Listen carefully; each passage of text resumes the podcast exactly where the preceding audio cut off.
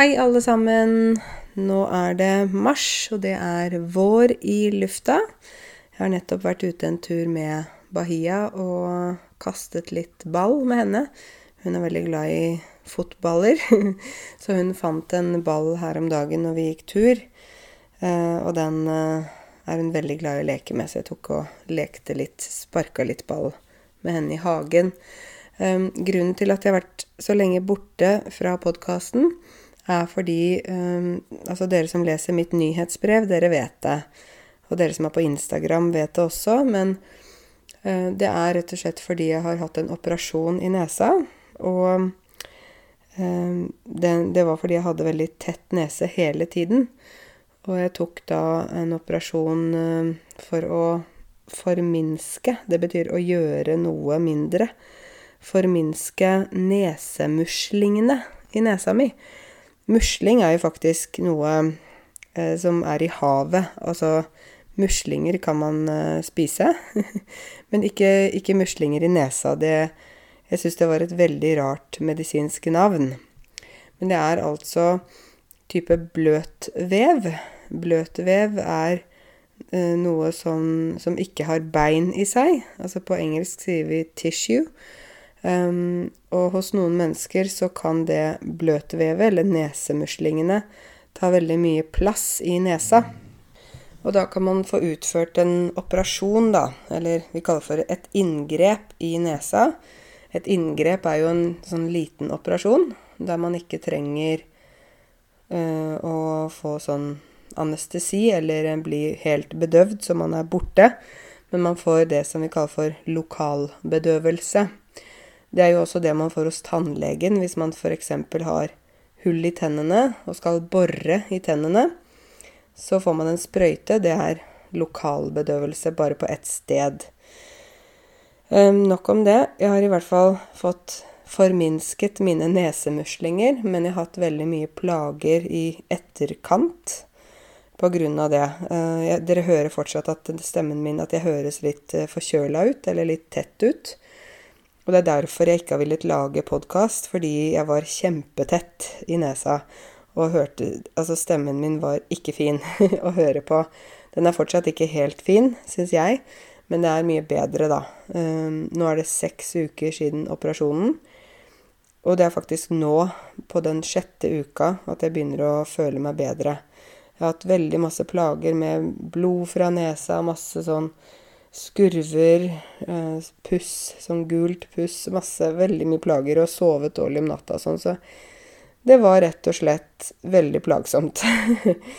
og jeg ville ikke belaste dere. Å belaste noen betyr å gi noen noe tungt, vanskelig, eller en byrde. Jeg ville ikke belaste dere med min forferdelig stemme. så jeg håper dere forstår det.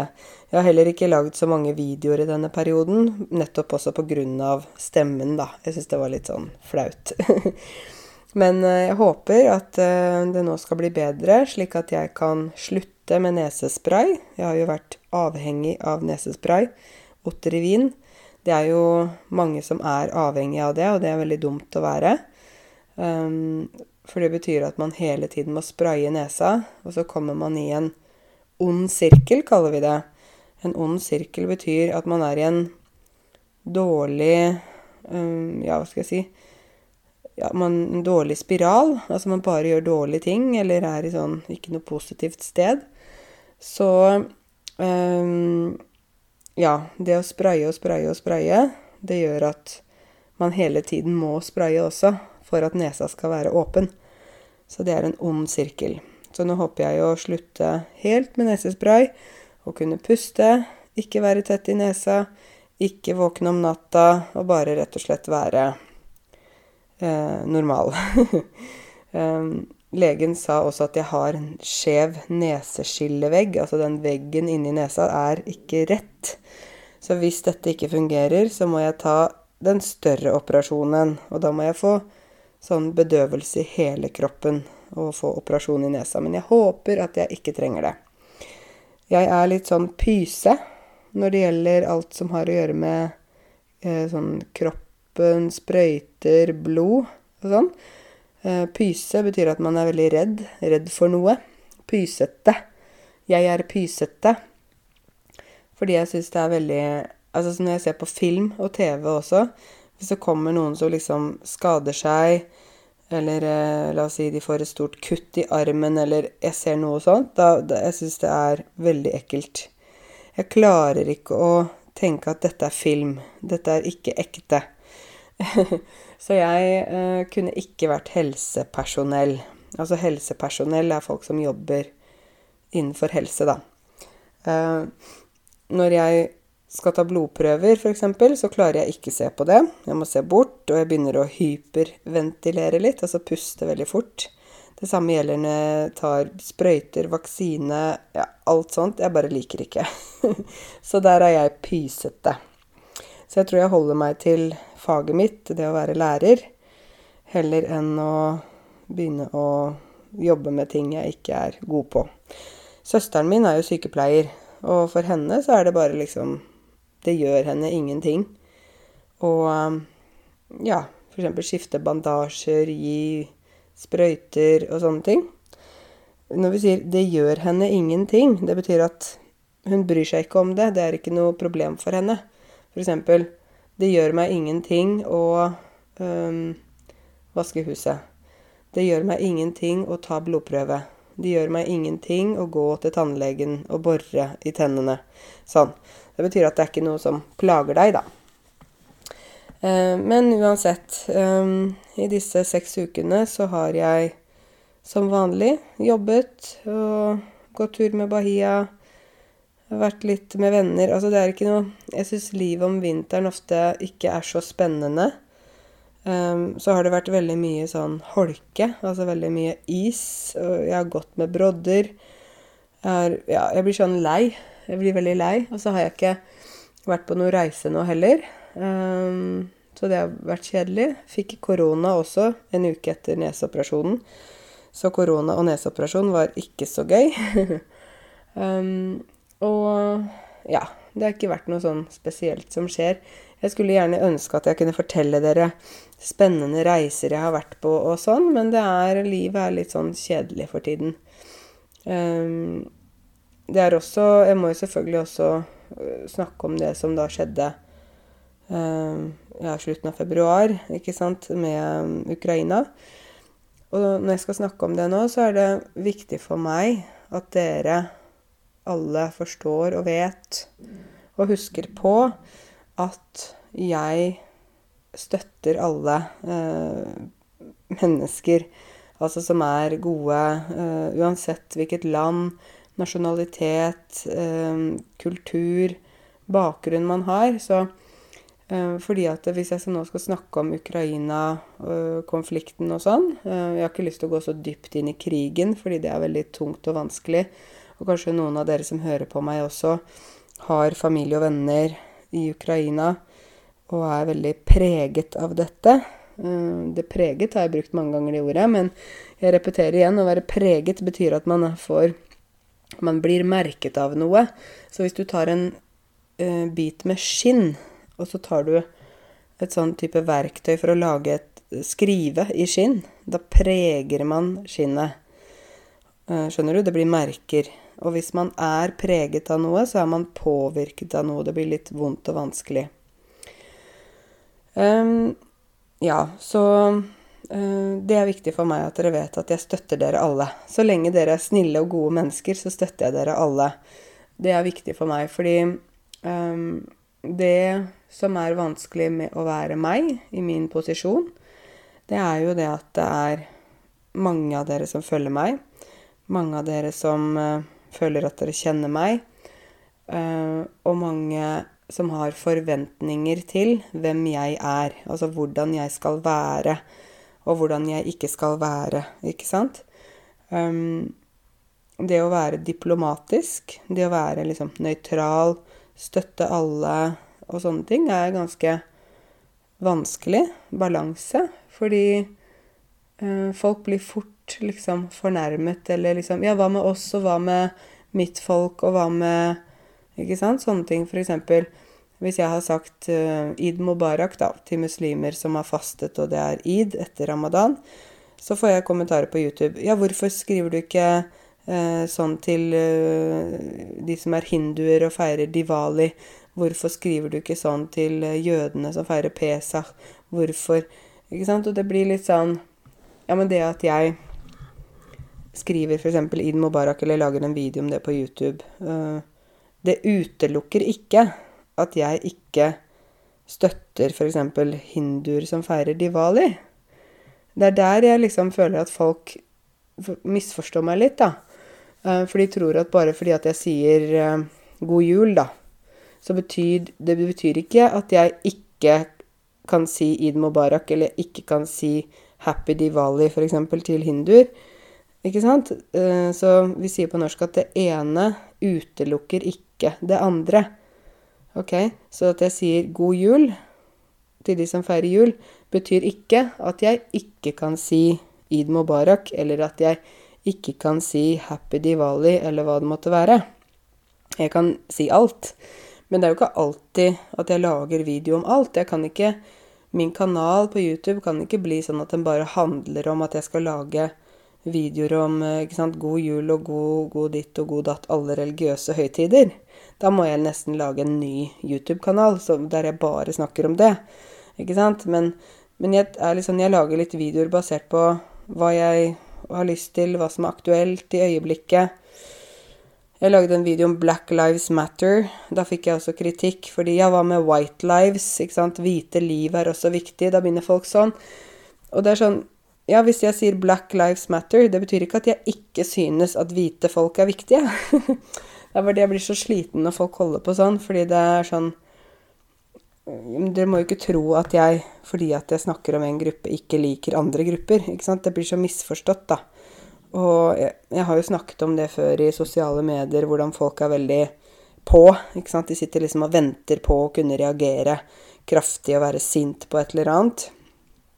Og da tenker jeg da må man skaffe seg noe annet å gjøre. Da må man få seg en hobby eller noe hvis man sitter på diskusjonsforum og bare venter på liksom å angripe noen som har en kommentar som man kanskje ikke selv er helt enig i, eh, da tror jeg man må finne seg en hobby.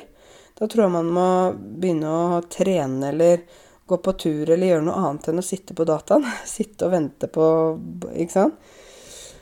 Um, det er sånn innestengt aggresjon. På en måte innestengt betyr at det er stengt inne. Vi kan si at det lukter innestengt på en hytte f.eks.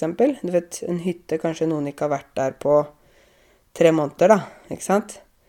Så kommer de inn på hytta, låser opp, og det lukter innestengt. Det lukter liksom Det har ikke vært luftgjennomstrømming der. Eh, og det å ha innestengt aggresjon, det betyr at man har mye sinne inni seg som bare er stengt inne og ikke kommer ut. Men når det kommer ut, så kan det jo bli en eksplosjon, ikke sant? Så ja.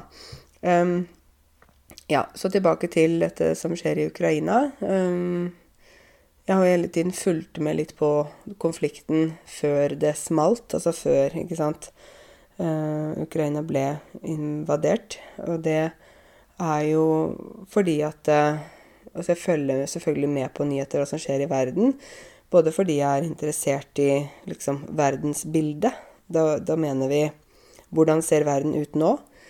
Jeg er interessert i eh, forskjellige land, forskjellige hendelser, fordi jeg jobber med folk fra hele verden, ikke sant?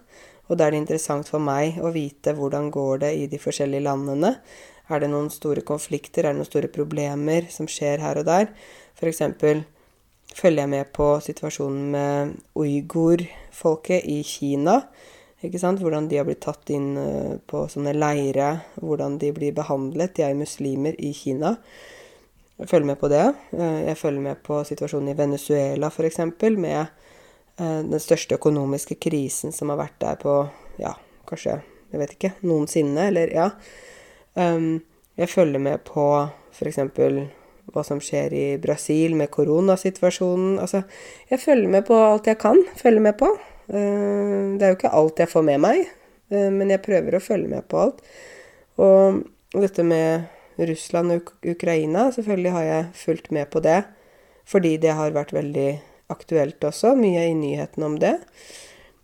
Og så når jeg da leste den morgenen uh, hvor det smalt, altså da krigen startet, Eh, det syns jeg var veldig forferdelig. Da ble jeg rett og slett veldig bekymra, veldig lei meg, veldig redd også.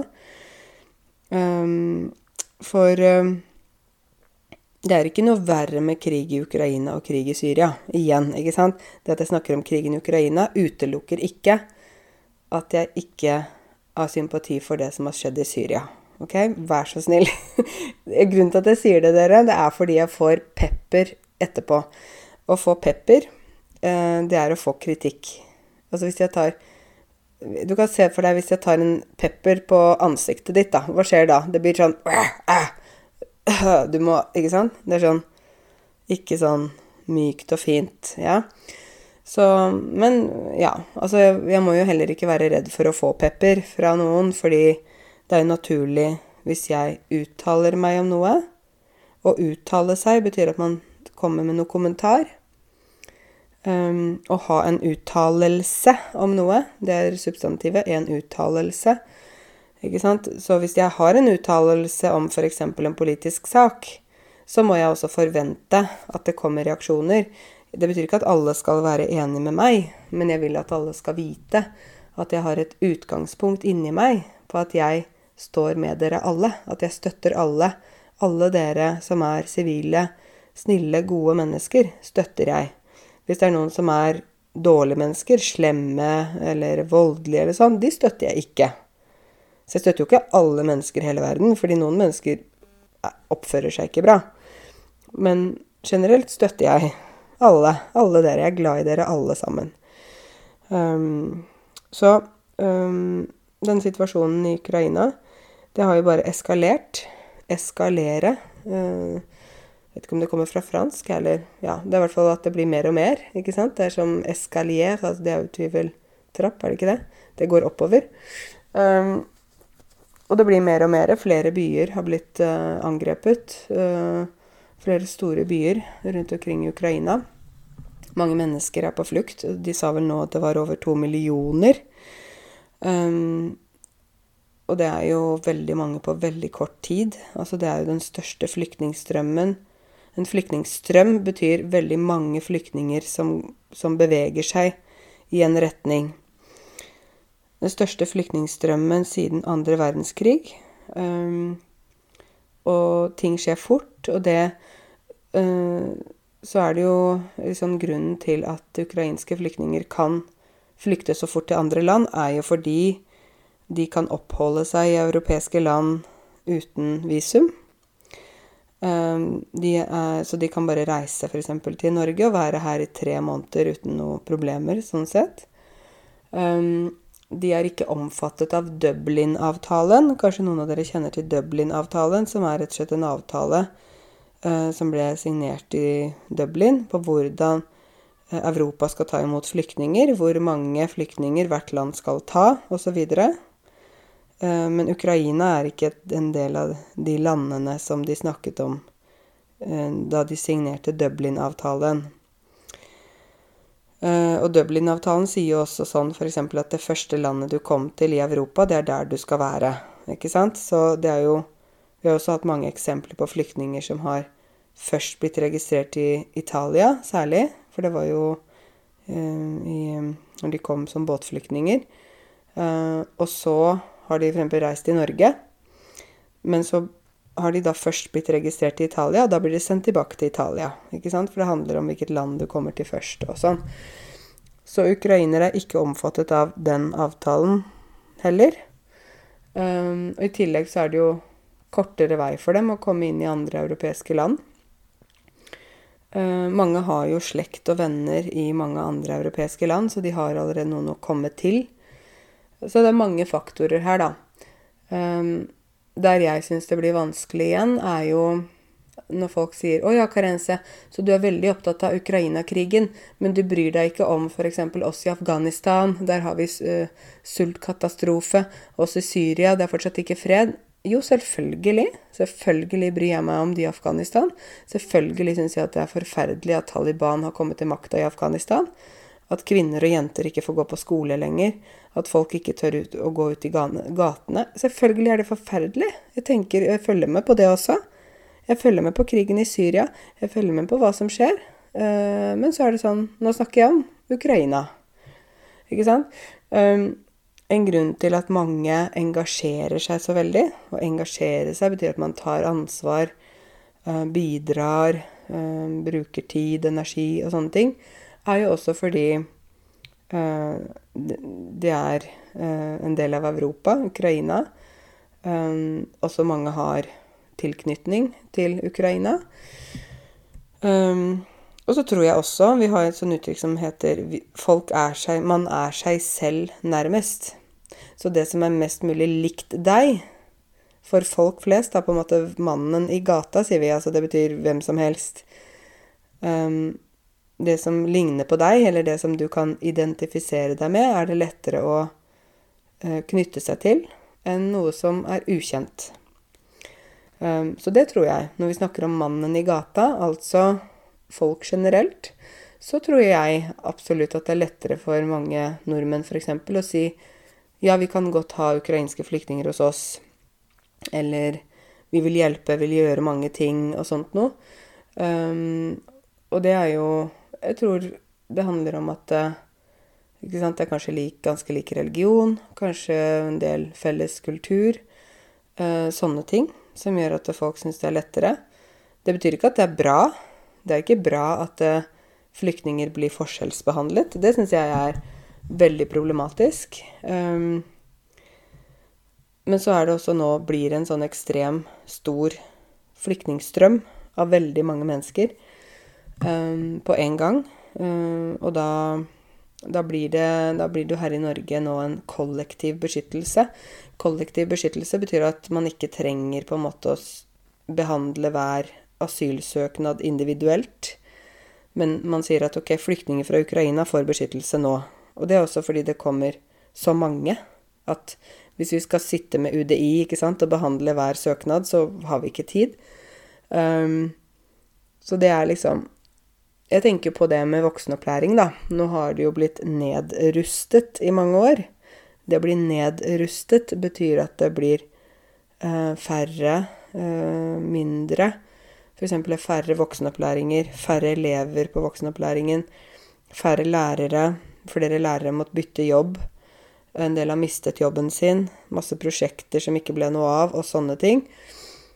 Men nå må de eh, oppruste. Ikke sant? Nå må de nå må voksenopplæringene og sånn uh, utvide igjen. Nå må de ha flere lærere. Nå er det behov for masse tolker, morsmålslærere. Altså nå blir det en veldig annen situasjon på arbeidsmarkedet. Um, og sånn var det jo når vi hadde flyktningstrømmen i 2015-2016, med veldig mange syriske flyktninger. Da var det jo veldig mange voksenopplæringer som hadde plutselig veldig mange elever.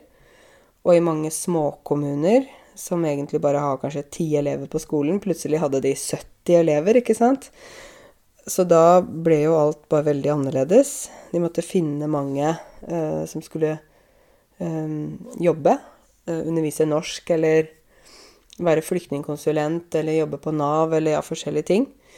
Og så har det jo vært flere år nå hvor Norge, særlig med den forrige regjeringen, hvor det var liksom Nei, vi skal ikke ta Ingen kan komme hit som flyktninger. Vi skal kun ta kvoteflyktninger. Og kvote er en begrenset mengde. F.eks. man har kvote når man er på Gardermoen og kjøper vin og sånn forskjellig alkohol. Da kan man ikke kjøpe f.eks. ti flasker med vodka. Man kan kjøpe én. Det er en kvote. Så de hadde kvoteflyktninger. Det betyr at Norge, eh, i samarbeid med FN, altså United Nations, FN på norsk, Forente nasjoner, dro til land der det var eh, krig eller eh, forskjellige nødsituasjoner, og hentet flyktninger til Norge. Jeg tror det er 3000 de har hatt nå per år. Det er veldig få hvis vi deler de på hele Norge og alle kommuner og alle voksenopplæringer. Og nå de siste årene har det vært en del kvoteflyktninger fra uh, Kongo, uh, fra Tyrkia, fra Syria har også fortsatt, um, Afghanistan. Uh, men det har, ikke, det har, ikke, vært folk som har kommet hit selv, ikke sant. Det, de har blitt hentet de har blitt intervjuet og plukket ut. Å plukke ut betyr å velge spesifikt. De har blitt plukket ut til å være um, liksom de flyktningene som skal til Norge. Og da kommer det jo ikke noen som kommer på eget initiativ, altså som kommer seg inn i Norge uten å på en måte være uh, Ja, bare komme alene, da. Men nå plutselig så kommer jo disse flyktningene fra Ukraina, og de kan få lov til å bare reise inn i andre europeiske land. De trenger ikke visum, og da kan man ikke stoppe dem heller. Selvfølgelig skal vi ikke stoppe dem, men da plutselig så skjer ting veldig fort, da. Når det også er sånn at søknadene ikke skal behandles individuelt. Eh, og da Så nå blir det veldig på en måte spennende å se hvor mange flyktninger Norge kommer til å ta. Eh, jeg håper vi tar mange. Eh, vi, vi, har plass, vi har mulighet, vi har penger til det. Eh, hvor lenge de flyktningene blir i Norge, det vet vi ikke. Det er også usikkert. Eh, og vi vet ikke hvor lenge krigen varer heller. Så alt er veldig usikkert. Men det at det kommer mange nå til forskjellige europeiske land, og også til Norge, det er et faktum noen av de landene som grenser til Ukraina, f.eks. Polen nå, de har på en måte de, de, klarer ikke takle å få flere. De har det vi kaller for sprengt kapasitet. Når vi har en sprengt kapasitet, da har vi liksom fått for mye, ikke sant? Hvis, hvis man sier at det er en frisør da, som har sprengt kapasitet, det betyr at den frisøren har booket ekstra timer på toppen av vanlig, og nå er det absolutt ikke plass til flere kunder, ikke sant. Så Polen og flere nærliggende land til Ukraina har sprengt kapasitet, og flyktningene må videre. Jeg tror også mange av flyktningene ønsker å være i nabolandene fordi de ønsker å være nær Ukraina i tilfelle det blir fred. De vil hjem. Og sånn tror jeg med, med de fleste flyktninger at liksom, i hvert fall akkurat når de kommer, Eh, så tror jeg at hvis man spør de Hvis det var fred i landet ditt nå, vil du hjem, eller vil du være her i Norge? Ikke sant? De har akkurat kommet. Så tror jeg liksom 99% vil si 'jeg vil hjem'. Ikke sant? Fordi det å måtte flykte fra hjemmet sitt er jo veldig traumatisk. Er veldig vanskelig. Er veldig tungt og tøft. Og krever veldig mye. Krever at man på en måte omstiller seg. Å omstille seg betyr å justere seg på nytt. Um, også at man um, uh, f.eks. tenker at OK, uh, nå er jeg her, jeg skal starte et nytt liv. Uh, jeg må lære meg et nytt språk. Jeg må på en måte finne min plass i dette samfunnet. Jeg må lære hvordan folk er, hvordan ting skal være. Hvordan jeg må oppføre meg. Hva er kutyme? Altså kutyme liksom handler om oppførsel og skikk og bruk og alt sånt, hvordan ting, ting, er, uten at man Det er ikke skrevet, ikke sant, men man bare oppdager etter hvert som man lever da, i det landet. Jeg husker det var en enslig mindreårig øh, flyktning en gang som sa det å komme som flyktning til et land er som å bli kastet opp i lufta, og du vet ikke om du lander på en blomstereng altså en eng med masse blomster, eller om du lander i munnen på en hai. Ikke sant? Du vet ikke hvordan blir livet. Blir det godt, blir det fint, eller blir det egentlig veldig vanskelig?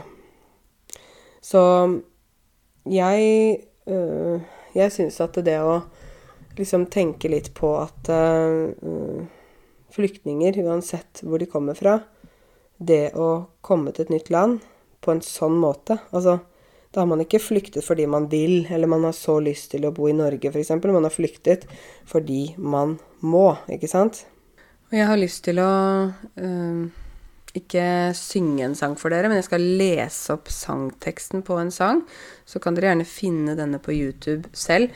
Den sangen heter 'Elias sang' og skrevet av Lars Bremnes, som er en veldig kjent uh, artist i Norge. Han er broren til Kari Bremnes. uh, uh, så han har en video på YouTube. Du kan søke 'Elias sang'.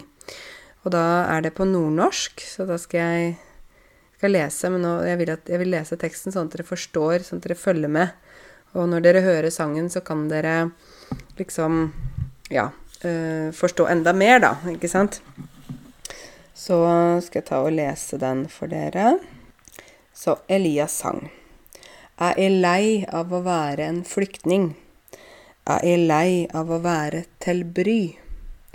Jeg er lei av å leite etter smutthold. Jeg er lei av å leite etter ly. Jeg er lei av å være problemet. Det er ikke jeg som har bomba mitt land. Jeg er lei av å være en flyktning. Jeg er bare en vanlig mann. Så dette betyr altså at han er lei av å være flyktning. Han er lei av å være til bry, altså at han er en belastning. At han er liksom en byrde, en, et problem, da. Han er lei av å lete etter smutthull. Og smutthull, hva er det? Det er liksom uh, snarveier eller muligheter eller ja, f.eks. at man lærer seg systemet. Ok, hvis du sender inn det papiret, da gjør du sånn. Og liksom disse herre Lete etter de snarveiene, da. For smarte ting du kan gjøre i systemet. Jeg er lei av å leite etter ly. Ly betyr rett og slett tak over hodet. Hvor skal jeg bo? Han er lei av det. Han er lei av å lete etter et sted å være. Jeg er lei av å være problemet. Det er ikke jeg. Det er ikke jeg. Det er ikke jeg som har bomba mitt land. Det er ikke jeg som har bomba mitt land. Jeg er lei av å være en flyktning. Jeg er bare en vanlig mann. Jeg er bare en vanlig mann. Det er som Elias som synger da. Jeg fortsetter. Jeg leser først verset på nordnorsk, og så tar jeg og liksom forklarer litt etter hvert vers, da. Noen ser bare fargen på huden. Noen ser bare religion. Noen ser meg som apokalypsen. Jeg savna å være en person. Jeg er lei av å representere Gud eller folk eller land. Egentlig er jeg en snekker, en snekker og arbeidsmann.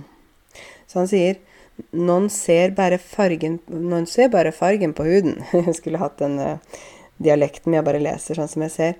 Noen ser bare fargen på huden, ikke sant. De er opptatt av at du er mørk eller lys eller noe sånt. Noen ser bare religion. Noen ser bare religion. Du er muslim, eller du er kristen, eller du er hindu, eller hva du er. Noen ser meg som apokalypsen. Noen ser meg som apokalypsen. Altså, det er jo på en måte verdens ende, når verden slutter. Jeg savna å være en person. Så han savner å være en person og føle at han er um, At han er en person og ikke en flyktning, ikke en liksom nesten som en ting, da. ikke sant? Han er jo Elias. Jeg er lei av å representere Gud eller folk eller land. Så han er lei av at, liksom, at folk sier 'Å ja, du er Elias', ja. Ok. For eksempel, ja, du er muslim, du er fra Syria, du er eh, Ikke sant? Så han er seg selv. Han er ikke Gud, han er ikke et folk eller et land. Han er Elias. Egentlig er jeg en snekker. En snekker og arbeidsmann. Så istedenfor å liksom Han er flyktning, men han er egentlig en snekker. Det er det han egentlig er. Jeg leser videre. Og jeg savna å gå på jobben, kysse mi kone farvel, vite at vi skal spise middag i lag med ungene når det blir kveld. Savna å sette med venna og bare drekk te på et torg. Flire så høgt at man glemmer seg sjøl, langt unna savn, langt unna savn og sorg. Så og jeg savna å gå på jobben, og jeg savner å gå på jobben. Kysse mi kone farvel. Ikke sant? Kysse kona og si ha det bra. Vite at vi skal spise middag i lag. Altså, I Nord-Norge så bruker de ofte 'i lag', som betyr sammen vite at vi skal spise middag sammen. Med ungene når det blir kveld, altså med barna når det blir kveld, eller med ungene når det blir kveld. Savna å sette med venner, savner å sitte med venner, og bare drikke te på et torg. Og bare drikke te på et torg. Torg er jo en sånn åpen plass, ikke sant. På italiensk sier man sånn piazza, ikke sant. Åpen plass.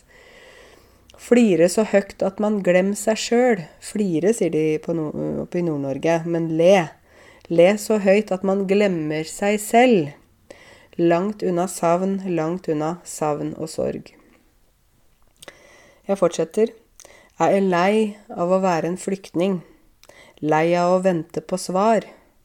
og få høre at jeg mangla papira når jeg viser frem alle jeg har. Lei av å ikke ha penga, aldri å kunne spandere. Alt jeg har nu er søvnløse netter. Det er bare å ta, jeg har fler. Så igjen, han er lei av å være en flyktning, han er lei av å vente på svar, og få høre at han mangler papirer når han viser frem alle han har. Han er lei av å ikke ha penger, og aldri å kunne spandere på andre, ikke sant. At du har penger og sier 'jeg kjøper, jeg betaler middagen', eller 'jeg kjøper en øl til deg', eller sånn. Alt jeg har nå, er søvnløse netter, så alt jeg har nå, er søvnløse netter. Det er bare å ta, jeg har fler. Det er bare å ta av Hvis du vil ha søvnløse netter, vær så god, han har flere. Og så kommer et vers til. En dag veit jeg freden vil komme til landet som nu ligger og blør. Da skal jeg reise tilbake, om så det er det siste jeg gjør. Finne igjen mine kjære, feire med tåra og sang. Da skal jeg være han Elias, han som jeg var en gang. Og nå får jeg tårer i øynene, for jeg tenker på alle flyktningene jeg kjenner, og alle som savner hjemland og alt dette her. Så en dag vet jeg freden vil komme til landet som nå ligger og blør. Da skal jeg reise tilbake, om så det er det siste jeg gjør. Om det er det siste han gjør i livet, skal han tilbake til hjemlandet. Finne igjen mine kjære, feire med tårer og sang. Og så er det den siste her som er sånn veldig Som jeg blir veldig rørt av. Da skal jeg være han Elias, han som jeg var en gang. Skjønner dere? Så når man kommer til et nytt land, da mister man på en måte status, man mister kanskje litt identitet, man må finne seg selv på nytt, man må lage seg et nytt liv. Man er ikke den man var, med nettverk og status og venner og familie og sånn som man hadde i hjemlandet. Plutselig bor man på en leid leilighet. Man må lære et språk, man har ikke jobb, man har dårlig råd. Man må gå til Nav og til flyktningkontor og sant, mange ting. Mens man egentlig hadde et etablert liv i hjemlandet hvor alt fungerte godt. Nå leser jeg teksten uten stopp for dere. Og så håper jeg dere finner denne på YouTube. 'Elias sang', med, skrevet av Lars Bremnes. Jeg tror jeg leser det på sånn eh, østlandsk, for da er det lettere. Ja. Jeg er lei av å være en flyktning. Jeg er lei av å være til bry. Jeg er lei av å lete etter smutthull. Jeg er lei av å lete etter ly. Jeg er lei av å være problemet. Det er ikke jeg som har bomba mitt land. Jeg er lei av å være en flyktning. Jeg er bare en vanlig mann. Noen ser bare fargen på huden. Noen ser bare religion. Noen ser meg som apokalypsen. Jeg savner å være en person. Jeg er lei av å representere Gud eller folk eller land. Egentlig er jeg en snekker, en snekker og arbeidsmann. Og jeg savner å gå på jobben, kysse min kone farvel, vite at vi skal spise middag sammen med ungene når det blir kveld. Savner å sitte med venner og bare drikke te på et torg. Le så høyt at man glemmer seg selv, langt unna savn, langt unna savn og sorg. Jeg er lei av å være en flyktning, lei av å vente på svar, og få høre at jeg mangler papirer når jeg viser frem alle jeg har. Lei av å ikke ha penger, aldri å kunne spandere. Alt jeg har nå er søvnløse netter det er bare å ta, jeg har flere. En dag vet jeg freden vil komme til landet som nå ligger og blør. Da skal jeg reise tilbake, om så det er det siste jeg gjør. Finne igjen mine kjære, feirer med tårer og sang. Da skal jeg være han Elias, han som jeg var en gang.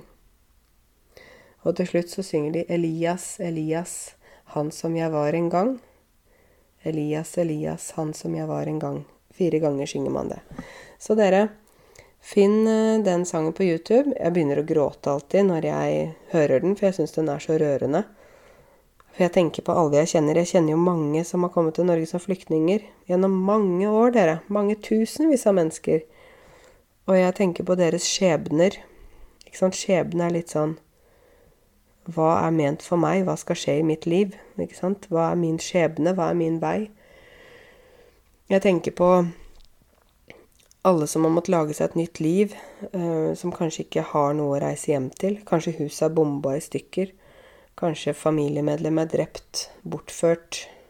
Å være bortført betyr at man er tatt bort, men man vet ikke hvor den personen er. Og alt dette her er um, veldig tøft. Og jeg beundrer folk. Å beundre betyr jeg tenker wow, dette er helt utrolig fantastisk. Jeg beundrer folk som klarer å omstille seg komme til et nytt land, starte på nytt. Prøve alt de kan. Prøve å lære f.eks. norsk hvis man bor i Norge. Prøve å forstå kulturen. Prøve å finne sin plass. Skape et liv, et nytt liv. Uh, få et nettverk, ikke sant. Og det vet jeg at særlig i Norge så er ikke det lett. Eh, det har jeg snakket om før, men nordmenn er ikke det, det er ikke det folket som banker på døra di og sier 'Hei, er du ny her i Norge? Er du, har du flyktet? Se, her er en kake til deg. Velkommen til Norge.' Ikke sant? Litt sånn nå er det med de fra Ukraina. De får liksom en annen velkomst enn eh, flyktninger fra f.eks. Syria eller Kongo eller andre land. Og det, det syns jeg ikke er bra. Jeg syns at vi må behandle folk likt. Jeg tror det vil bli mye debatt om dette i etterkant. Eh, eller etter hvert nå, fordi man ser at det er veldig tydelige forskjeller. Man ser hvordan politikerne engasjerer seg på en annen måte enn det, en krig som har vært i andre land. Man ser hvordan folket engasjerer seg. Og det er jo fordi Jeg har fortalt litt om grunnene til det. Og man kan si om det er bra eller dårlig, men jeg tenker det som er best, er at alle mennesker blir behandlet likt, ikke sant? Eh, det skal ikke være forskjell på hvordan man blir behandlet basert på hvordan man kommer fra. En flyktning fra Syria er like mye en flyktning som en flyktning fra Ukraina. De har opplevd traumer, krig, bombing, øh, død, masse forferdelig. og de trenger hjelp og trenger beskyttelse uansett. Så jeg syns at det er øh, Ja. Dette er øh, veldig komplekst. Det er et veldig komplekst felt. Det er veldig mange krefter inni dette her. Krefter betyr ikke, ikke, kreft, ikke kreft som sykdom kreft, eller uh, Men krefter, altså mange som har mye energi, mye de vil gjøre, bidra med og sånn. Krefter på den måten der. Um, og da er det mange som vil gjøre noe. Um, det er veldig bra. Jeg håper at og så videre hvis det også kommer flyktninger fra andre land, at folk også vil gjøre noe da. At det ikke bare blir sånn at det blir ett land og sånn. Um, jeg tenker også på uh, sivile fra Russland og Hviterussland som ikke er en del av denne konflikten. Som ikke er grunn til eller har skyld i noe som helst av det som skjer. Og jeg har jo fått mailer, e-poster, fra uh, følgere jeg fikk fra, særlig fra en dame som sa Karense, jeg, jeg skammer meg så over å være russisk. Jeg hater at jeg er russisk. Jeg, eh, jeg har familie i Ukraina. Jeg har beste vennene mine i Ukraina.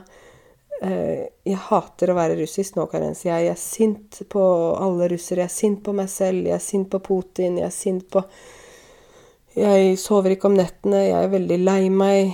Jeg syns dette er vanskelig å se på alt som skjer, eh, ikke sant. Og så sa jeg til henne, vet du hva, kjære deg. Altså, dette er ikke din skyld.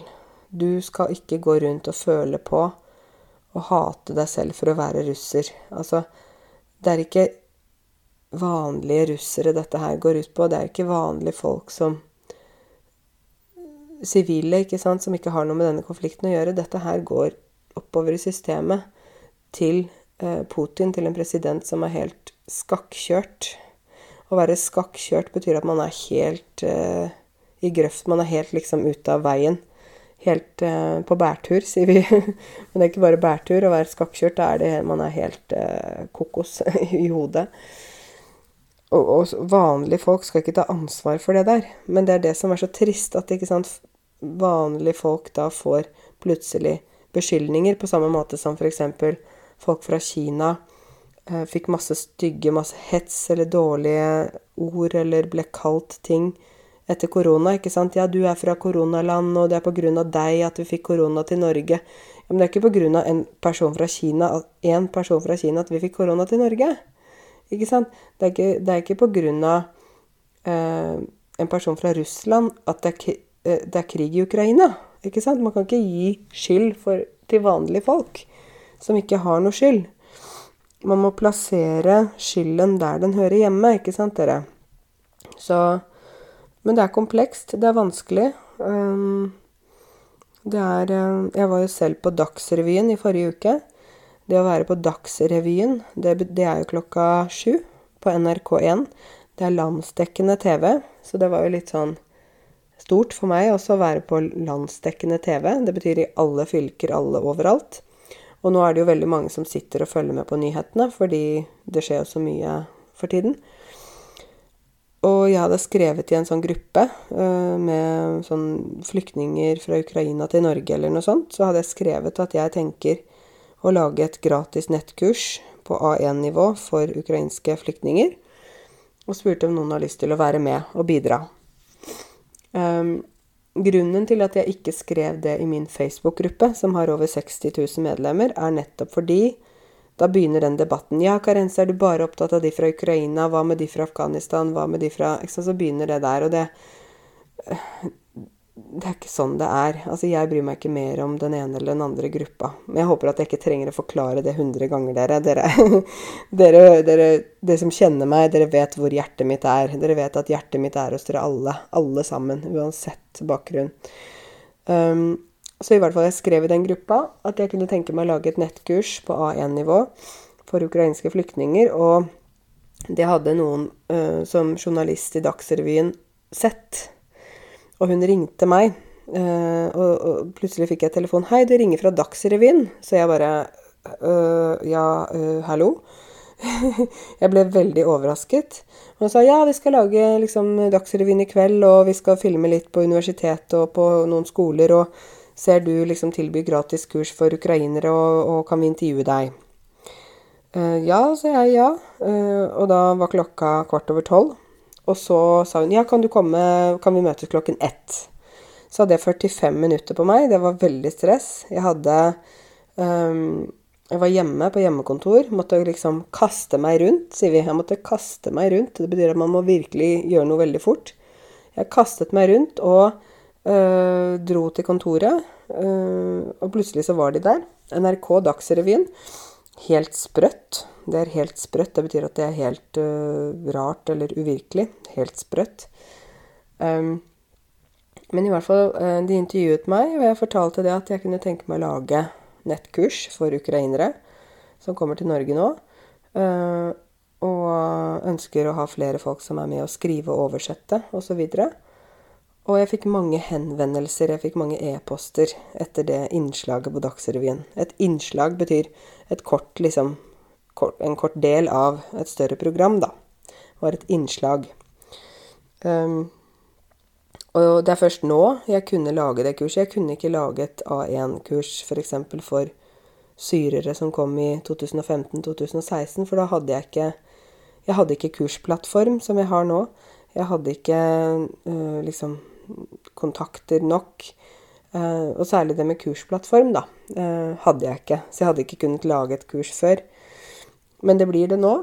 Og jeg har fått mange nordmenn og ukrainere som vil gjerne være med å skrive og oversette. Og vi skal putte inn disse tekstene her uh, inn i A1-kurset vårt til ukrainere. Det kurset håper jeg blir ferdig om tre uker. Det er grunnleggende nivå, da. Men det er noe som jeg har lyst til å få til, fordi at da kan folk sitte på mobilen. Det er gjerne mobilen de har med seg, de har ikke med seg datamaskin, mange. Sitte på mobilen og øh, studere, um, ikke sant, mens man venter på å få kanskje bolig plass på voksenopplæring Man vet ikke hvor man skal bo, hvor man skal være, så kan man begynne å lære litt norsk allerede. Jeg tror det er veldig bra. og jeg mener jo det bør uansett være her i Norge, at de som er på asylmottak, må få lov til å lære norsk. Det er jo sånn nå at de Jeg husker ikke, er det 100 timer de får? Eller noe sånt. Men det er begrenset, da. De får ikke så mye de vil. Så jeg syns at eh, det bør vi uansett ha. Ikke sant? Sånn nettkurs for flyktninger, sånn at de kan begynne fort å lære. Så det driver vi og jobber med, så det blir veldig spennende. Og så følger jeg jo med på alt som skjer, og, og hjertet mitt er veldig med alle som har det vanskelig i verden. Alle som, ikke sant, savner noen som har måttet flykte, som er borte fra familiene sine, som er borte fra alt som er kjent og kjært, ikke sant? Ehm, jeg tenker på dere alle sammen. Jeg syns det er vondt når man ikke kan bo i landet sitt, leve fredelig, være med sine folk, få lov til å, ikke sant, gjøre vanlige ting. Så jeg tenker på dere alle sammen. Ehm, det er ikke lett, dette her. Så men det er viktig at vi står sammen i solidaritet, at vi støtter hverandre, at vi er gode mot hverandre, snille mot hverandre. At vi har litt ekstra hjertevarme for hverandre uansett. Ikke sant? Være medmenneskelig. Det betyr å være god mot andre mennesker. Snill. Um, ikke sant? Tenke at uh, det kunne vært meg som trengte dette. Det kunne vært mine barn. Kunne vært min familie. Og det å være god mot hverandre, da. Det syns jeg er veldig viktig uansett. Så jeg tenker at jeg avslutter denne podkasten med å synge Elias sang for dere. Uh, ja, dere kan jo finne den selvfølgelig selv på YouTube, altså, men den uh, Ja, jeg synger den nå al capella, altså uten noe musikk. Så får vi se. Så. Jeg er lei av å være en flyktning jeg er lei av å være til bry. Jeg er lei av å leite etter smutthold. jeg er lei av å leite etter ly. Jeg er lei av å være problemet, det er ikke jeg som har bomba mitt land. Jeg er lei av å være en flyktning, jeg er bare en vanlig mann. Noen ser bare fargen på huden, noen ser bare religion. Noen ser meg som apokalypsen, jeg savna å være en person. Jeg er lei av å representere Gud eller folk eller land. Egentlig er jeg en snekker, en snekker og arbeidsmann. Og jeg savna gå på jobben, kysse mi kone farvel. Vite at vi skal spise middag i lag med ungan når det blir kveld. Savna å sette med venner og bære drekk te på et torg. Flire så høgt at man glemmer seg sjøl, langt unna savn, langt unna savn og sorg. Er lei av å være en flyktning, lei av å vente på svar, og få høre at jeg mangler papirer når jeg viser frem alle jeg har. Lei av å ikke ha penger, aldri å kunne spandere. Alt jeg har nu er søvnløse netter. Det er bare å ta, jeg har fler.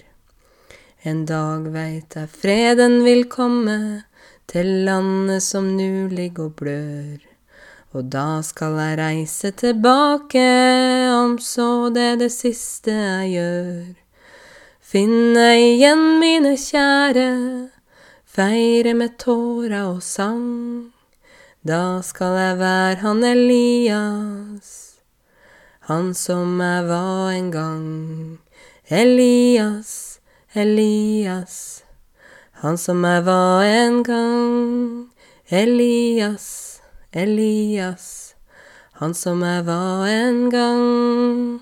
Elias, Elias, han som jeg var en gang. Elias, Elias, han som jeg var en gang.